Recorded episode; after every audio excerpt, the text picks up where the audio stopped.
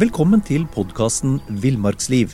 Mitt navn er Knut Brevik, og jeg er redaktør i bladene Villmarksliv, Jakt og Alt om fiske.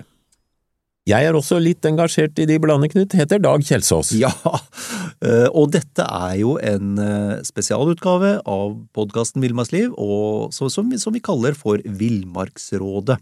Og det er, det er jo en spalte fra bladet hvor, hvor, det stilles spørsmål, så eh, veldig mange av spørsmålene og svarene er hentet derfra. Noen har også kommet direkte til oss, og det er hyggelig. Um, og vi har fått god hjelp av, av Arne Hamarsland, Tom Shandy, Jon Arne Tungen og Andreas Næristorp til å svare på en del av spørsmålene. Og du skal få gleden av å ta det første, Knut, for der er det en som lurer på hvordan man får sjekka kjøtt. Ok. Villmarksliv har flere ganger skrevet om kontroll av trikiner i villsvinkjøtt, men jeg savner forklaring på hvor på dyret prøven tas, og hvem gjør undersøkelsen, til hvilken pris? Ja, um, ja, altså eh, i, i Sverige så, så, så, så, er det et laboratorie som heter Vidilab i Enkjøping, som, som er dominerende når det gjelder trikintester. Um, og, og norske da, jegere, unnskyld, eh, eh, de jakter jo mye villsvin i Sverige. Ja, for ja. Da, er tank, eh, da, er det tank, da er det med tanke på, på, på villsvin man har skutt i Sverige, da. Um, og, og, de Der er det sånn ferdig, ferdig oppsett der. Um, og de selges, disse trikintestene selges under et varemerke som heter Kolla Masken. Ja, ja. Og, ja, og du kjøper ferdig frankert analysekonvolutt som inneholder alt du trenger og det får du kjøpt på nettet på forhånd. Eh, og der kan man gå inn og se på www.vidilab.se. I Norge så, så, kan du også få tatt uh, trikinprøver ved noen laboratorier. Jeg, jeg mener at både Eurofins og Vestfoldlab tilbyr den tjenesten. På, på villsvin så tas prøven enten fra muskelvev, eh, der mellomgulvet er festa til ryggen, eller fra muskel i, i, legg på framfot. Det siste er vel da på små dyr, ja. hvor, hvor denne mellomgulvet er så tynt? Ja. Nå får du bladet Villmarksliv rett hjem i postkassa i tre måneder for kun 99 kroner.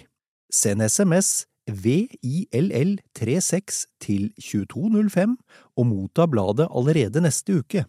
Hey, I'm Ryan Reynolds. Recently, I asked Mint Mobile's legal team if big wireless companies are allowed to raise prices due to inflation. They said yes. And then when I asked if raising prices technically violates those onerous two-year contracts, they said, "What the f*** are you talking about? You insane Hollywood ass."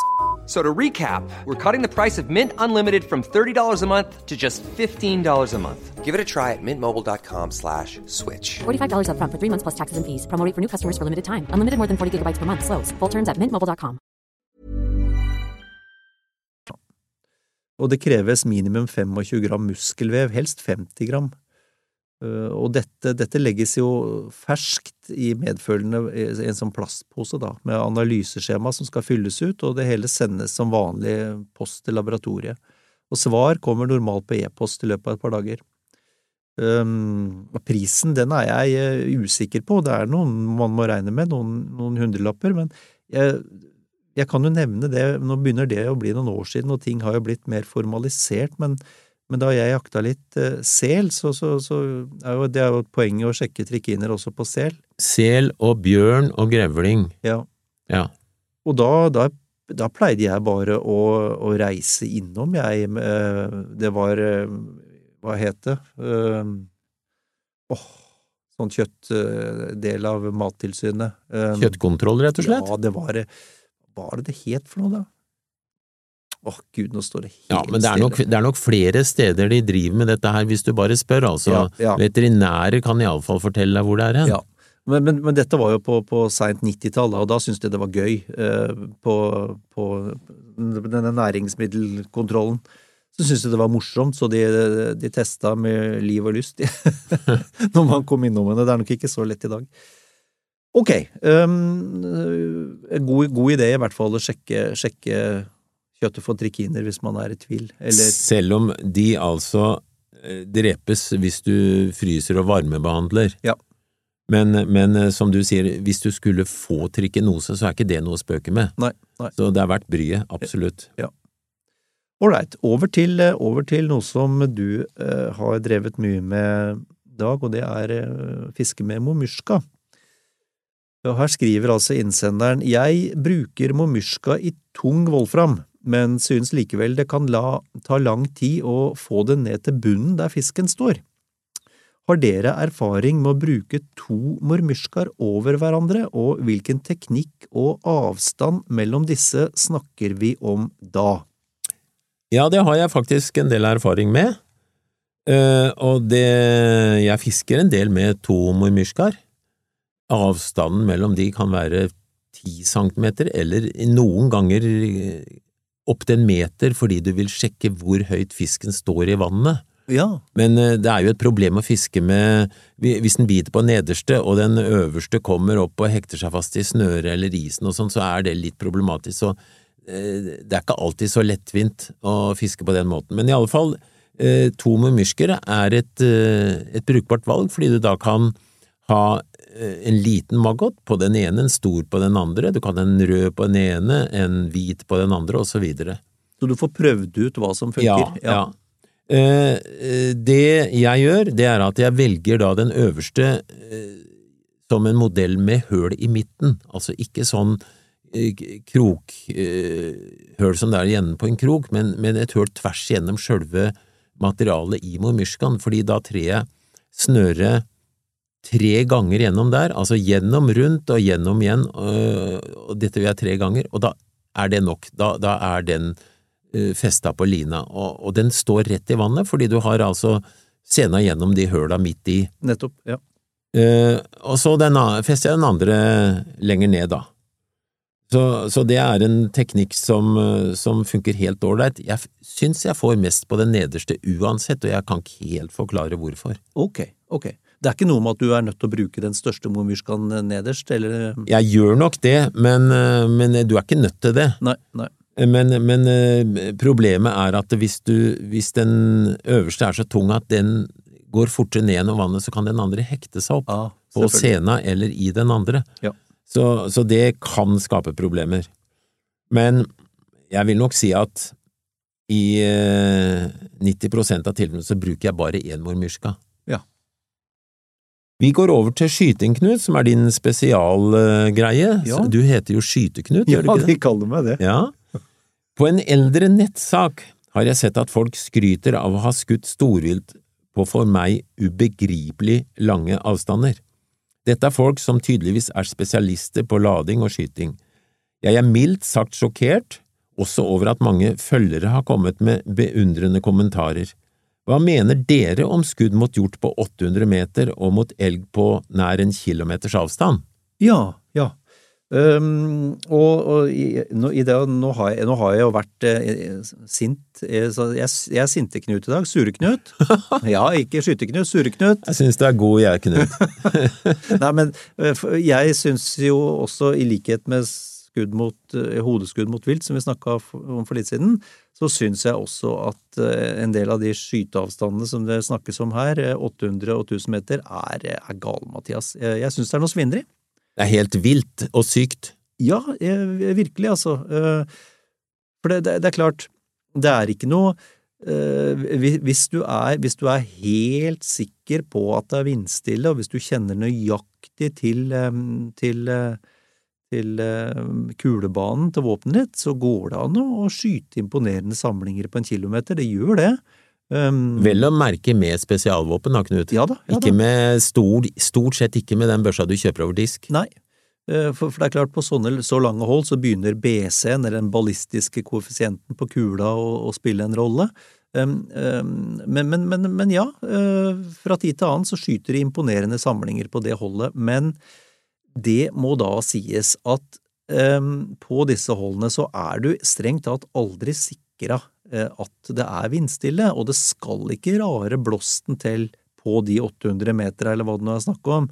Eh, Det skal ikke mye vind til for den kula har flytta seg en halvmeter. Eh, Og det skal heller ikke mye til før et dyr som står på så voldsomt lange avstander, be- bestemmer seg for å ta et skritt fram. eller snur seg litt. Og da kan faktisk eh, dyret bevege seg så det blir skarskyting eh, i løpet av perioden fra hjernen får beskjed om å trekke av og Ja, til kula er framme. Ja, ja, ja. Um, sånn at eh, jeg mener, jeg mener jo seriøst at langholdsskyting har ikke noe med på jakt å gjøre. Um, Overhodet ikke noe på jakt å gjøre. Og jeg veit at det er folk som driver med dette, og jeg uh, registrerer at, uh, at eh, de forteller at de har skutt eh, voldsomme mengder vilt på lange hold og aldri vært noen problemer, og da tenker jeg mitt. Jeg gjør det. Jeg vet hva, vet hva du tenker, Knut. ja, jeg tenker det at det er lett å huske suksessene, og man har en tendens til å fortrenge fiaskoene fordi at det dukker opp fiaskoer, at det dukker opp skadeskytinger hvis du begynner å skyte på en kilometer. Det skal ingen fortelle om at det ikke skjer, altså.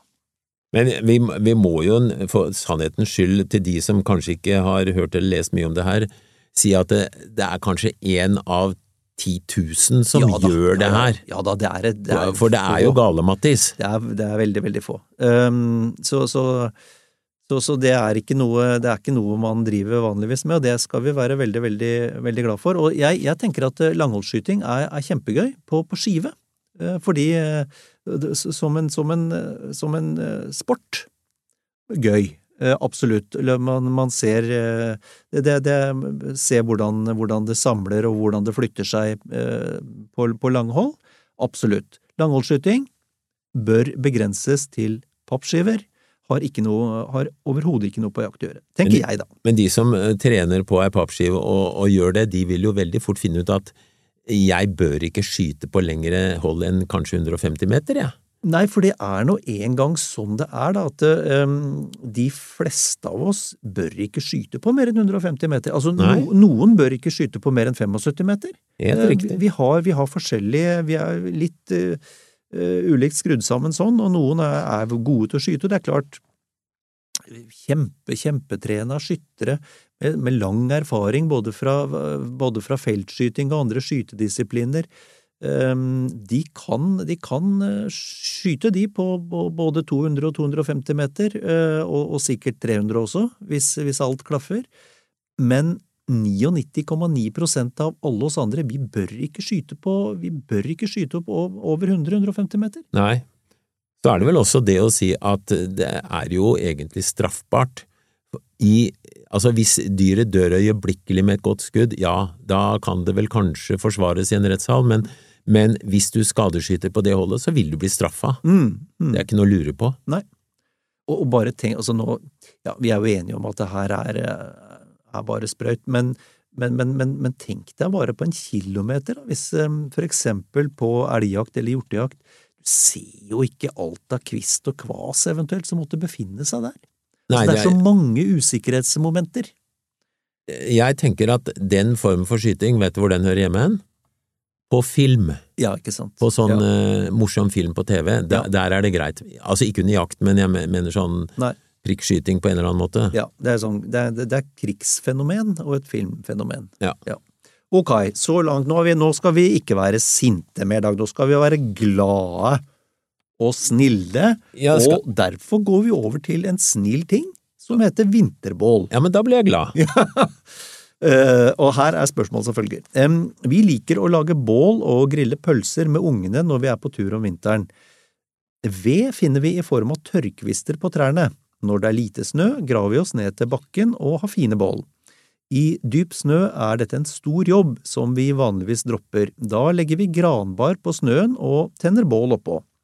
Problemet er at disse bålene ofte smelter ned i snøen. Selv om vi legger litt større pinner under, synes jeg det ofte blir mislykket fordi bålet ikke brenner så vi får glohaug til grillingen. Noen tips? Ja, jeg må nok si jeg har prøvd det her noen ganger med forskjellige resultater og forskjellige måter å gjøre det på, og eh, min erfaring er at først vi, Altså, å grave seg til bakken er det beste, Mm. Men, men eh, det kan jo være at det er i, i verste fall halvannen meter ned og, og litt skare innimellom, og da klarer du ikke det før du har holdt på lenge, lenge. Eh, da tråkker man først til snøen, hopper opp og ned og tråkker og tråkker og tråkker så det blir hardt. Ja. Da er vi et stykke på vei, i hvert fall. Ja. Og, og det bør jo da skje på en kvadratmeter, ikke bare akkurat nede i dum, for at det, Da, da vil det smelte og renne ned og dette ned klumper kanskje og sånne ting. Ja. Eh, når vi har gjort det, kommer vi ikke utenom å finne tykke kubber, og de må gjerne være rå. For da, da Eller, eller altså, det kan, jeg mener ikke at det bør være ferskt materiale nødvendigvis, men, men de må gjerne være fuktige, eller ha ligget i, i et bekkeleie eller hva som helst. Men iallfall, legg tykke kubber. Ja, for du vil ha, rett og slett ha kjernen av bålet vil du ha opp fra snøen, så det ikke smelter ned, igjen- ned igjennom. Det er det som er hensikten, og det som ligger under bør heller ikke eh, brenne fort opp. Så derfor er ikke granbar noen god løsning. Nei. Fordi granbar det brenner jo, som du veit, veldig bra, særlig hvis du har litt, stor, litt uh, høy varme. Mm, mm. Da, da brenner jo granbar så det bare suser etter. Også rått granbar. Så, så ett lag tett med kubber som ligger inntil hverandre, og hvis du har god tilgang, gjerne enda et lag oppå der med tykke kubber. Ja. Og så lager du bålet oppå toppen der igjen. Og da har du faktisk et grunnlag for et bål som kan brenne i flere timer. Ja, ja. Og ikke bare forsvinner ned gjennom snøen og ender opp med sånn, sånn sur røyk. Det er jo det som er så ergerlig. Hvis du skal for eksempel grille, da, så er jo Ja. det best når du har fått glør. Og, og, og glørne de kommer liksom ikke etter fem minutter, de kommer etter at det har brent en god stund, og når det endelig har brent lenge nok, og så forsvinner alt ned i snøen. Det, det er ikke noe artig. Nei. Så nei, eh, tjukke, tjukke stokker eller pinner i bånd, det er nok det viktigste å si her. Ja. Ja. Ok, vi går over til et spørsmål som gjelder sjaga, og det høres spennende ut. Veldig spennende. På en jakttur i Nord-Sverige på grensen til Finland kom jeg en morgen inn til frokost. Da hadde mine finske venner og sven svenske og finske venner laget i stand en mørk teblanding og satt og takstfast ropte sjaga, sjaga. Det har jeg aldri opplevd. Ok, for å få meg til å drikke opp glasset de hadde satt på plassen min. I og med at de drakk det Nå får du bladet Villmarksliv rett hjem i postkassa i tre måneder for kun 99 kroner. Send SMS VILL36 til 2205 og motta bladet allerede neste uke. Many of us have those stubborn pounds that seem impossible to lose, no matter how good we eat or how hard we work out. My solution is PlushCare. PlushCare is a leading telehealth provider with doctors who are there for you day and night to partner with you in your weight loss journey. They can prescribe FDA-approved weight loss medications like Wagovi and Zepbound for those who qualify. Plus, they accept most insurance plans. To get started, visit plushcare.com slash weight loss. That's plushcare.com slash weight loss. samme tenkte jeg at jeg fikk være med på leken og tømte glasset. Jeg kjente aldri noe virkning av denne, og lurer på om dette bare var noe de fant på for å teste meg. Ja, um, altså det kan nok hende at kompisene dine ville teste om du tok utfordringen, i hvert fall. Ehm, for det de ga deg var sannsynligvis avkok av, av tjuke, krefttjuke. Dette har fått navnet shaga og er, kjent fra folkemedisin tilbake til 1500-tallet. Krefttjuka den finnes over store deler av den nordlige halvkula og vokser hovedsakelig på bjørk. Den ser ut som en sånn oppsprekt, forkulla, flat kul på trestammen, ofte med et sånn rustrødt parti rett under soppen, og ifølge folkemedisin da, så skal den hemme kreft, styrke immunforsvaret og, og dempe betennelser. Og når den er høsta, så tørkes den, og så males så på kvern til den blir omtrent som grovmalt kaffe. Den tilberedes som kokekaffe, og, og skal visstnok også ha en smak som minner noe om kaffe. Eh, om shaga har positive helseeffekter, det er nok litt avhengig av hvem du spør. Blant tilhengerne så er det jo ikke noe tvil, men eh, personlig så er jeg nok litt mer usikker på om det er shagaen som virker, eller, som, eller om det er trua som gir effekt. Placeboeffekten skal man aldri undervurdere i dag. Nei, det, det er sikkert, men, men det er faktum at shaga det selges faktisk Det gjør det. til en ganske høy pris. Oi, Og altså, jeg innbiller meg at at det her er noe fra gamle dager hvor hvis du har sett disse, disse krefttjukene, så det kan minne litt om en slags svulst. ja, Eh, og, og det er på en måte litt i gammel tru at det er noe som ligner på noe, det skal da hjelpe mot noe som ligner på noe i, i, vår, i vår kropp, da. Ikke sant? Ja. Men, men, men, men eh, det er ikke veldig utbredt i dag, tror jeg det. Men det, det er faktisk noen som, som har veldig tro på det, og Ja. det kan godt hende det hjelper, ikke veit jeg. Nei, nei. Jeg tror ikke det kommer til å utkonkurrere kaffen sånn innen, innen rimelig tid, i hvert fall. ikke som drikke for moro skyld, i hvert fall. Nei. Ok, is på scenen, neste spørsmål. Um, jeg isfisker på hytta med strøye. I juleferien var det temmelig kaldt, og sena fikk raskt is på seg. På siste tur prøvde jeg sene for vinterfiske, men den var ikke noe bedre. Dette er ganske irriterende, så spørsmålet er kort og godt, finnes det noe jeg kan smøre sena med, eller finnes det en spesiell sene som ikke iser, Dag? Ja, eh, det er et problem at det iser hvis, hvis gradstokken ligger på 20 minus, så, så øh, kommer det fort is på, på scena. Ja, Det er ikke noe å lure på. Nei. Eh, det finnes isfiskescener. Eh, jeg vil ikke påstå hvor mye bedre de er enn andre. Jeg tror det ligger litt i at de har en farge som syns lett mot snø og is. Men eh, jeg skal ikke ha sagt for mye om det, for det har jeg ikke testa. Nei. Men i alle fall, problemet er ikke til å unngå, og, og hva gjør vi liksom da? Um, det er noen som påstår at det hjelper med eh, det du smører på fortommen for å få den til å flyte under uh, tørrfluefiske. Ok. Ja vel, det går an å prøve. Ja, ja. Uh, Ellers så er problemet etter min oppfatning ikke stort, fordi når du fisk, sitter og pilker, da, du sitter jo vanligvis, ikke sant, Mm. eller du kan gjerne stå, da, men eh, du sitter vanligvis så nær eh, du ser veldig nøye hva som skjer, og så begynner det å komme litt is på scenen, og da er det bare å ta den ene tommel og pekefingeren, holde rundt scenen og dra den nedover en halvmeter mens du løfter pilkestikka, og så har du dratt vekk isen. Ja. Eh, Så enkelt er det. Ja. Noen ganger så kan du faktisk ha nytte av isen, fordi hvis du fisker med for eksempel momyrska eller noe annet småtteri, så vil du gjerne ha en sånn, skal vi si, eh, vibrerende bevegelse ned til agnet. Ja. Hvis du da slenger skjena fra side til side, så vil det faktisk føre til at agnet blir dratt litt opp og ned. Okay. Altså det dras opp, og så detter det ned, ikke sant? Mhm. Eh, Så det, det går an å utnytte det på den måten, men stort sett så er det løsningen er å bruke fingrene, faktisk, altså. Mhm. Mhm. Vi går over til sur elg, og jeg tror ikke det er at han er sinna sur, men at han kanskje er sur i kjøttet, vi får høre. Ja.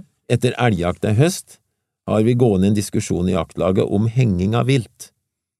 Vi opplevde at en elgokse surna, slik at det meste av kjøttet måtte kastes. Ja. Den, denne hengte vi ute, i ei litt glissen utløe, med skinnet på fordi det var ganske kaldt og snø på bakken da den ble skutt. Tidligere har vi gjort dette uten at kjøttet har surna. Vår tanke er at avkjølingen ikke skal bli for brå, så kjøttet blir seigt. Hva mener dere om å la dyr henge med skinnet på? ja. Her var det flere ting her, Knut. Fl- Flere ting. Vi starter i en ende, så får du bare fylle på, Dag. Jeg, eh, jeg tenker sånn, sånn innledningsvis at, eh, at eh, det avhenger av temperaturen ute, jeg. Fordi det, av, det, altså anbefales at skutte dyr skal kjøles ned forholdsvis raskt, men samtidig ikke så raskt at, eh, at mørningsprosessen stanser. For det, hvis vi hvis vi, eh, hvis vi kjøler ned kjøttet, på, som i dette tilfellet, da, elgkjøttet, for raskt, så inntrer det som, som kalles for en sånn kuldeforkorting. Ja, det, det, det innebærer at du kjøler ned så raskt ned til en lav temperatur. Nettopp. For du kan, kan vel kanskje kjøle det raskt ned til, la meg nå si, 18 grader? Ja da, ja.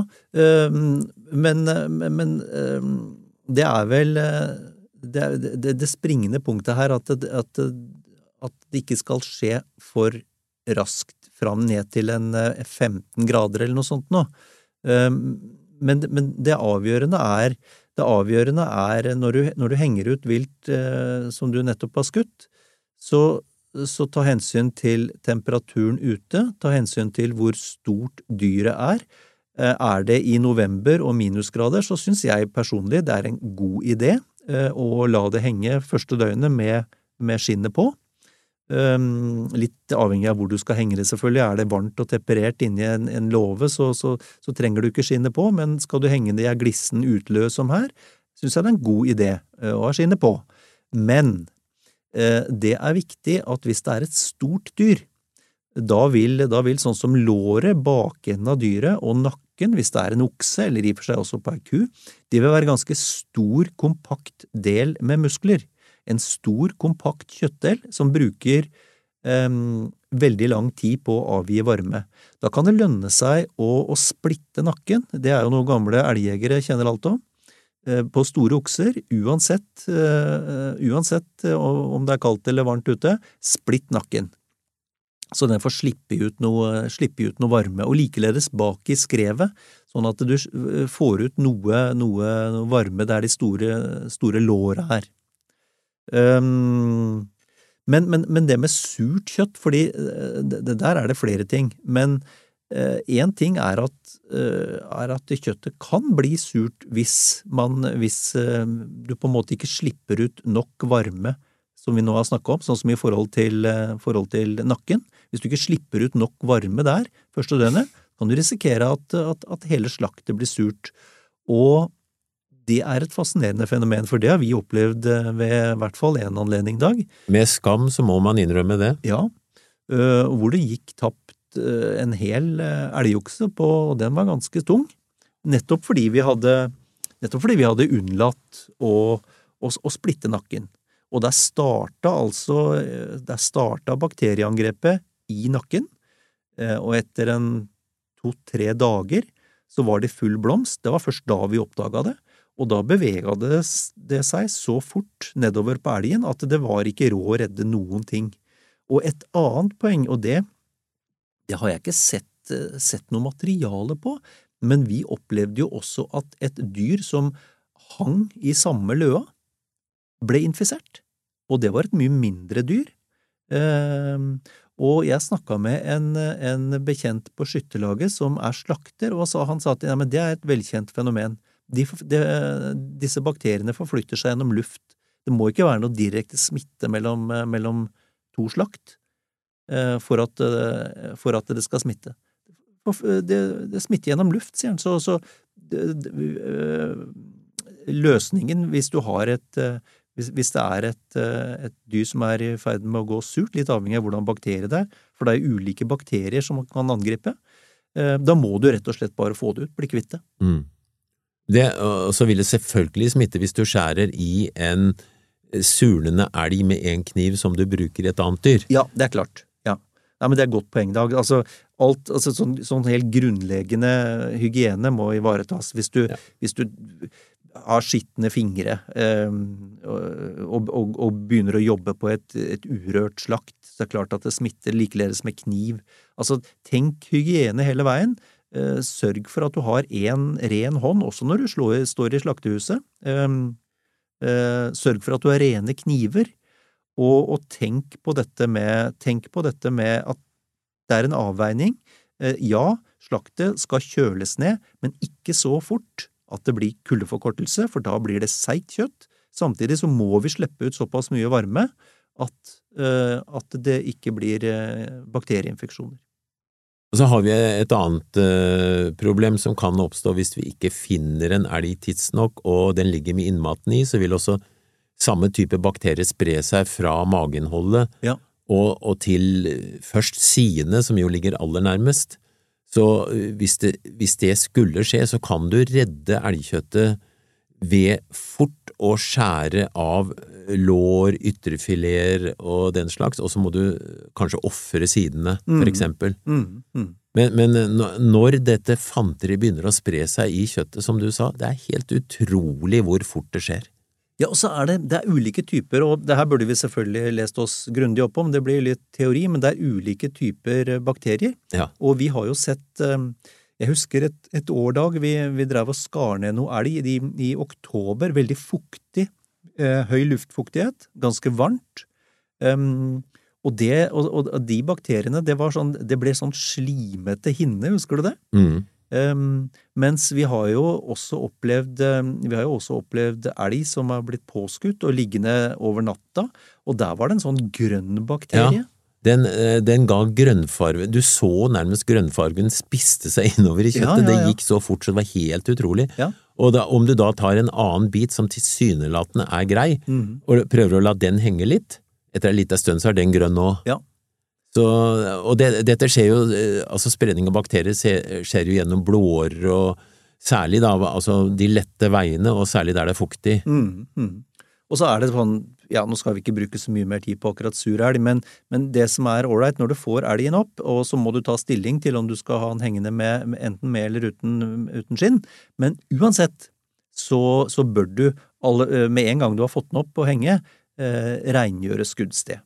Fordi akkurat i skuddområdet så er det mye blod, og det er sånn, det er sånn arnested for infeksjoner. Hvis du, Absolutt. hvis du har en, en elg hengende og ikke har skåret løs eh, bogen og fått re rengjort skuddsted. Mm, mm. Ok, så langt sur elg. Eh, jo, helt avslutningsvis, Dag, så sier vi det også at eh, er du i tvil eh, om kjøtt er surt eller skjemt, så, så lukt på det. Altså lukter det surt, så ikke så bli kvitt det. Bli kvitt det. Du, eh, nesa er din beste redskap for å finne surt kjøtt. Ja, og, og hvis du er i tvil, eller ser at en del er ødelagt, så skjær det andre ned og mal kjøttkaker og få det i fryseren med en gang. Ja, ja. Eller mal til, til kjøttdeig, mener jeg, som du kan lage kjøttkaker av. Mm. For da får du iallfall brukt noe av det. Ja. Men det er, det er et problem som heldigvis ikke oppstår ofte, men hvis det skjer, så er det ordentlig drittjobb, fordi du, du blir så fortvila over at du har latt det skje, og så videre. Ja, ja. Vi går over til det stikk motsatte, Knut. Ja da, det gjør vi. det gjør vi. Og vi avslutter med eh, spørsmålet mose til desinfeksjon. Eh, Jeg har hørt at mose kan brukes når man skal lagre fisk. Hvordan skal jeg unngå å få jord på fisken, eller er det ok å legge fisken i plastpose med mose rundt, spør innsender. Eh, da kan vi gjerne begynne med at mose er så mangt.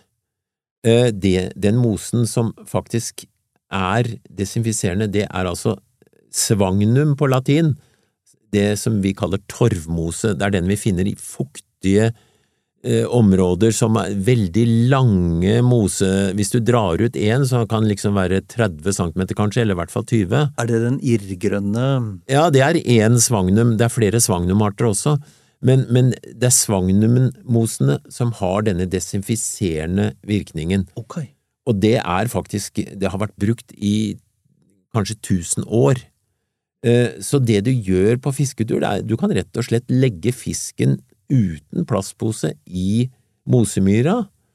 Eh, Ikke grav så langt ned at det er jord i det, det tilfellet, men når han sier jord, så tenker han på andre mosearter, tror jeg, som, som, hvor det er mer jord, da. For den her, den, den ser jo ut som han lever omtrent bare av vann. Mm, mm. Eh, Finn en kjølig, skyggefull plass med lav temperatur, og, og legg fisken i svagnum, så har du faktisk en, eh, en slags eh, utsettelse av forråtningsprosessen. Og et bevis på at det funker, det er jo hva finner vi i myrer av og til? Eh, Det er en, et menneske som er funnet som heter Myrmannen, tror jeg. Ja, ja, ja. Han ligger liksom i myra i tusen år og er ser nesten ut som han ble gravlagt der i forrige uke. Gravbøllemannen eh, fra, kjent fra Danmark. Ok, ja.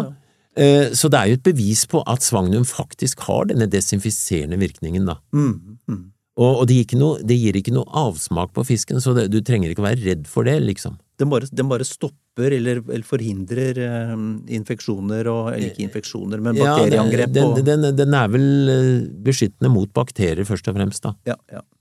Vet du hva, nå synes, jeg syns vi heva oss veldig i dag. Vi har vært, eh, eller jeg, veldig, veldig mye sånn sint. Sinte-episode. Eh, vi heva oss litt på slutten nå. Dette med mose var fint. Det var en gladmelding! Ja, det var veldig bra. Da, da tror jeg vi ønsker, eh, ønsker folk en strålende uke. Det gjør vi, Knut.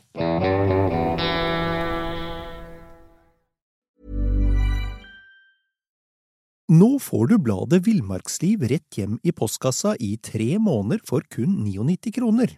I Villmarksliv kan du lese om norsk natur, ærlige tester av klær og utstyr, og mange gode turtips skrevet av erfarne friluftsfolk, fiskere og jegere.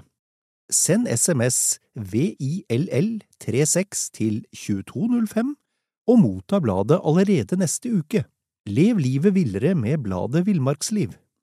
Even on a budget, quality is non-negotiable. That's why Quince is the place to score high-end essentials at 50 to 80% less than similar brands. Get your hands on buttery soft cashmere sweaters from just 60 bucks, Italian leather jackets, and so much more. And the best part about Quince, they exclusively partner with factories committed to safe, ethical, and responsible manufacturing. Elevate your style without the elevated price tag with Quince. Go to quince.com slash upgrade for free shipping and 365-day returns.